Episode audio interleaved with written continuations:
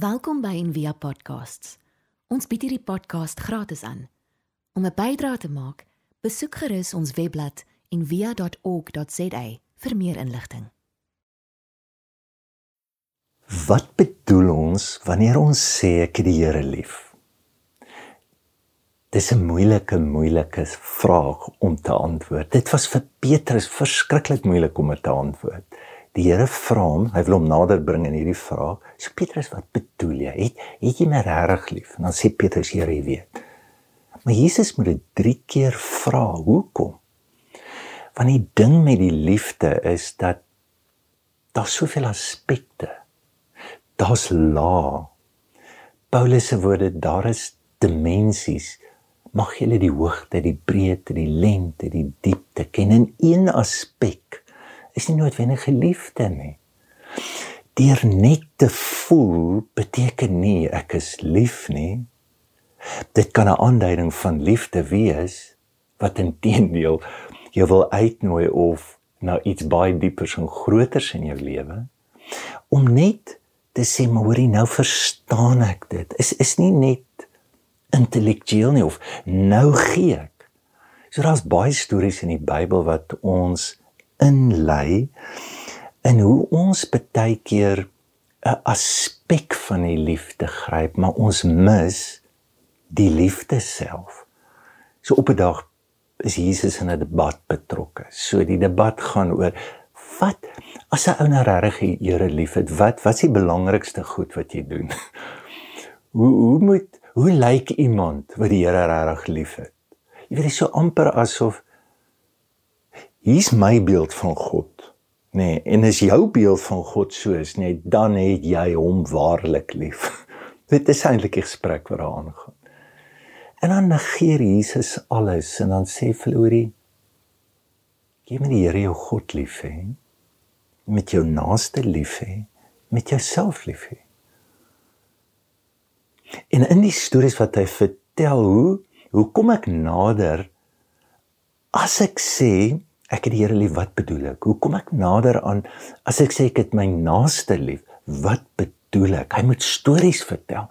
En wat bedoel jy as jy sê jy het jouself lief wat wat, wat presies bedoel jy daarbey so die volgende 3 weke gaan ons daaroor gesels nou ons lees nou 'n storie en is hier aan die einde van Jesus se lewe en elke keer is daar 'n karakter Judas wat inkom en teen met elke nagmaal word jy bewus gemaak van die een wat hom verraai het in die nag waarin hy verraai is. So dink net vir 'n oomblik aan Judas.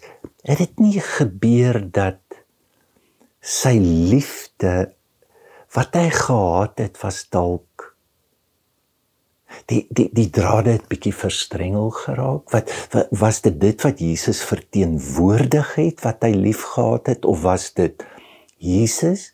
Nou daai was die tesourier, so hy het die geldsak gedra. En ek dink Jesus het nie 'n groot probleem gehad om die koffer vol te hou nie want hulle het rekeninge gehad om te betaal. Soos as 'n klein stelseltjie ook. Daar's 'n bediening. Jesus moet leef ons weet sake vroue ondersteun hom en Judas is in dit. En dan en dan kruis hierdie lyne van liefde en sy liefde vir geld is op die ou end groter as sy liefde vir Jesus. En dan daar's nou twee weergawe van hoe hy dood is en baie teoloë sal reken dat daar 'n diep diep in die Bybel sê dit ook berou was hy gaan gee die geld terug en ons weet hy neem sy lewe ehm um, dit dit dit was sy vroeging sy sy probeer verstaan van maar ek sê net die Here lief maar maar wat presies gebeur in my lewe Nou binne hierdie verhaal met Judas is daar 'n verskriklike mooi beeld wat Johannes het. So ons gaan die volgende tyd na Johannes kyk. So elke evangelie het amper 'n aspek van liefde wat wat wat jou help om dit beter te verstaan. Maar Johannes hy hy vat jou na 'n plek en 'n verstaan van God toe wat ehm um, wat ongelooflik mooi is, wat baie emosioneel is, baie tasbaar is en veral met hierdie beeld. En dis 'n beeld wat kunstenaars en teoloë deur die eeue absoluut aangegryp het. En die nagmaaltafel lyk so hier sit Jesus en hier's 'n disipel wat op sy bors lê. En as 'n disipel met die naam van Johannes wat elke keer sê wat dis die een vir wie Jesus liefgehad het. So daar's die beeld. As ek sê maar wat bedoel ek dat as ek God liefhet dan dink ek Johannes sal vir jou sê dis die een wat lank genoeg op die bors gelê het. Want wat gebeur as jy op die bors lê? Jou hart klop, jy kan iemand se hart klop hoor. Ons weet vandag dat maas se hartklop reguleer selfs 'n fetus in hulle. Dis mos net natuurlike instink as my kind skrik om hom te druk teen wat teen jou bors want op 'n manier reguleer die hartklop van die pa die kind se hartklop of die ma. Sy en hier is 'n beeld wat ons uitnooi na die liefde toe. Sy dit is nie reg hoe goed ons dit verstaan nie. Dit is die diepste groot. Dit is jy jy gaan jou kop om dit kry nie. Ehm um, dis is vra wat Jesus vra soos het julle gesien die reën val nou op die goeie sê nie slegtes. Is 'n punt wat hy wil maak wat eintlik dit is nie reg nie. Die die daar's dimensies van die liefde wat buite die kop lê. Is nie is nie wat ons nie hoe ons dit doen nie. Dis eintlik wat met ons gebeur waar die hartklop van God, die gevoel van God ons harte begin te reguleer. Nou, kom ons bly net vir 'n oomblik by die storie. Uh, nee, net om dit beter te verstaan. So Johannes vertel nou die storie dat ehm um, daar's twee karakters, nou veral Petrus en dan Johannes, die een vir wie hy liefgehad. So die gedeelte wat ons gelees het, hier is 'n gesprek aan die gang. En nou is dit interessant, hier kom Petrus en hy sê vir Johannes, maar wie wie is die een wat hom nou gaan verraai? So nou met 'n mens vra nou hoekom hoekom vra Petrus nou vir Johannes? So daar seker baie verklaringe, maar een wat wat vir my baie sin maak is dat Johannes het vreeslik lank gelewe. So 90 na Christus skrywe hy nou eers hierdie storie. Maar Petrus is al in 64 na Christus dood in Rome. Nou weet ons hy het 'n martelaars dood gesterwe. Hy was die eerste paus. Dis is regtig emosioneel om in die Sint Pieters te staan en jy kyk goed, hier is die lys van al die pause en hier het begin by Petrus. So op daai stadium was daar 'n enorme helde verering vir Petrus en wat verteenwoordigheid, die grootste gesag en autoriteit wat daar is. In Rome en dit het ook in die kerk begin invloei onder 'n Grieks-Romeinse uh, bestel was daar klasse gewees en jy was nie toegelaat as jy nie met jou klas en jou status meng nie. So dit dit is ook ingebou in die narratief en so die mense wat dit sou lees sou sou regtig anderster Petrus gelees het op daai stadium as toe dit werklik daar gebeur het. So dis amper as die vraag van verraad kom is dit na wie toe gaan jy? Gryp jy na autoriteit, na krag? Nee nee nee, kyk bietjie mooi, wat doen die autoriteit en die krag? Hy gaan na die een wat in die bors van Christus lê. Bedoel dit is 'n ongelooflike beeld. Sien die vraag sal dan wees, maar wat doen jy? Wat doen jy as jy veraai word in jou huwelik? Wat vra die liefde dan van jou in daardie oomblik?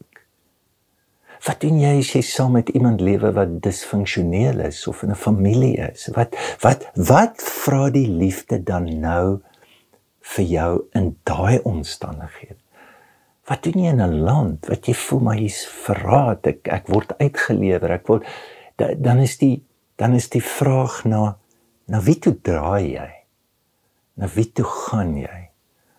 Op jou sterkte, jou finansiële sterkte, jou intellektuele sterkte. Jy wat wat waaruit bid jy? Vir Johannes is dit laat God jou hartklop verander. En dan in die tweede plek, selfde ding met Johannes doen en is ook 'n baie mooi beeld. Dis die opstanding. So hier kom 'n vrou, sy hartklop toe en gaan na Simon Petrus en na die ander disipel vir wie Jesus lief was en sê vir hulle: Hulle die Here uit die graf wegvat en ons weet nie waar hy nou begrawe is nie. Petrus en die ander disipels het toe uitgekom na die graf toe te gaan. Die twee toe saam begin hardloop. Maar die ander disipel het vinniger as Petrus gehardloop en eers by die graf gekom. So afdot. So wat wil hy sê? So liefde gaan altyd wen. Wil, wil jy weet wat sy pad na die opstanding toe? Dis deur liefde. Dit gaan wen. En dan nie, nie die ander gevoelsdimensie van is dat dis hardloop. Dit is nie net oor ons loop, ons chill, ons wag of so daar is ook inspanning. Daar's oorgawe van myself gee, want dis presies wat die liefde doen. Dit bring jy opstanding. Nou die gedeelte sluit so af. So Petrus luister wat sê en hy sê ek wil hê volg. Jesus sê vir hom dink jy kan my reg volg want jy gaan doodgemaak word, jy gaan ly. Dan sê Here ek volg en is 'n enorme oomblik in Petrus se lewe. Van ek ek sal U volg tot in die dood in Here. So lief is ek vir U. Dis waarna toe liefde jou vat. En dan ons weet Petrus is ook baie impulsief en daar kom so tweede gedagte toe hy nou weet wat hy gesê het. Toe sê hy: "Here, maar ek wil nou net weet hierdie een vir wie jy so lief is, hoe gaan hy doodgaan? Ek weet nou ek gaan maar ek wil net weet hoe gaan hy. En dan sê die Here vir hom, wat gaan dit jou aan? Dis niks met jou te doen. Maar dan vers 24, 'n interessante vers, hierdie disipel is die een wat oor al hierdie dinge getuig en dit neergeskryf het. En ons is oortuig dat sy getuienis betroubaar is. So dit, dit klink nou amper asof Johannes sê uh, hy kyk bietjie daar en dan skryf en waar hy neem nie is heeltemal iets anderster in die skrif so die woord getuig martos waarvan die woord marta vandaan kom wat baie keer die dis gekoppel aan 'n martelaar is ook dieselfde woord getuig of martelaar is dieselfde woord maar ook maraton presies die beeld van die deelname so ehm um, Johannes wil jou laat verstaan jy kan God net hoor in die wedloop van die liefde. Dit is nie 'n abstrakte waarneming nie, maar dis die inspanning. Dit is die ervaring. Dit dis baie keer die oorgawe. Die alles los, die hartloop. Dit, dit dis wat die beeld vir jou gee van om in die bors van God vas te val. So die bors is nie 'n ontvlugting nie. Is 'n deelname in die liefde wat my hartklop reguleer. So ons almal ken die storie van die verlore seun en hier's 'n kind en hy kom na sy pa toe terug. Nie vir die regte redes nie. Hy's honger. Hy kom huis toe. En dan die beeld is verskriklik mooi. Die pa wag, maar dan hardloop die pa. En wat doen die pa? Die pa druk, die pa mels. Sy hart, sy bors is teen sy seun se bors. En dit reguleer alles in so 'n mate dat die diepste gewaarwordinge nou in hom plaasvind. Dit gebeur deur die hartklop. Hy hy kom dalk bietjie meer agter in wat hy doen. Hy's dalk nou terug vir honger omdat hy hom maar hy sê ek is nie werd om die seun genoem te word. Jy, jy sien, dis alleen in die waarheid, die enigste waarheid wat daar is, is die liefde. Daar bestaan geen waarheid buite dit nie.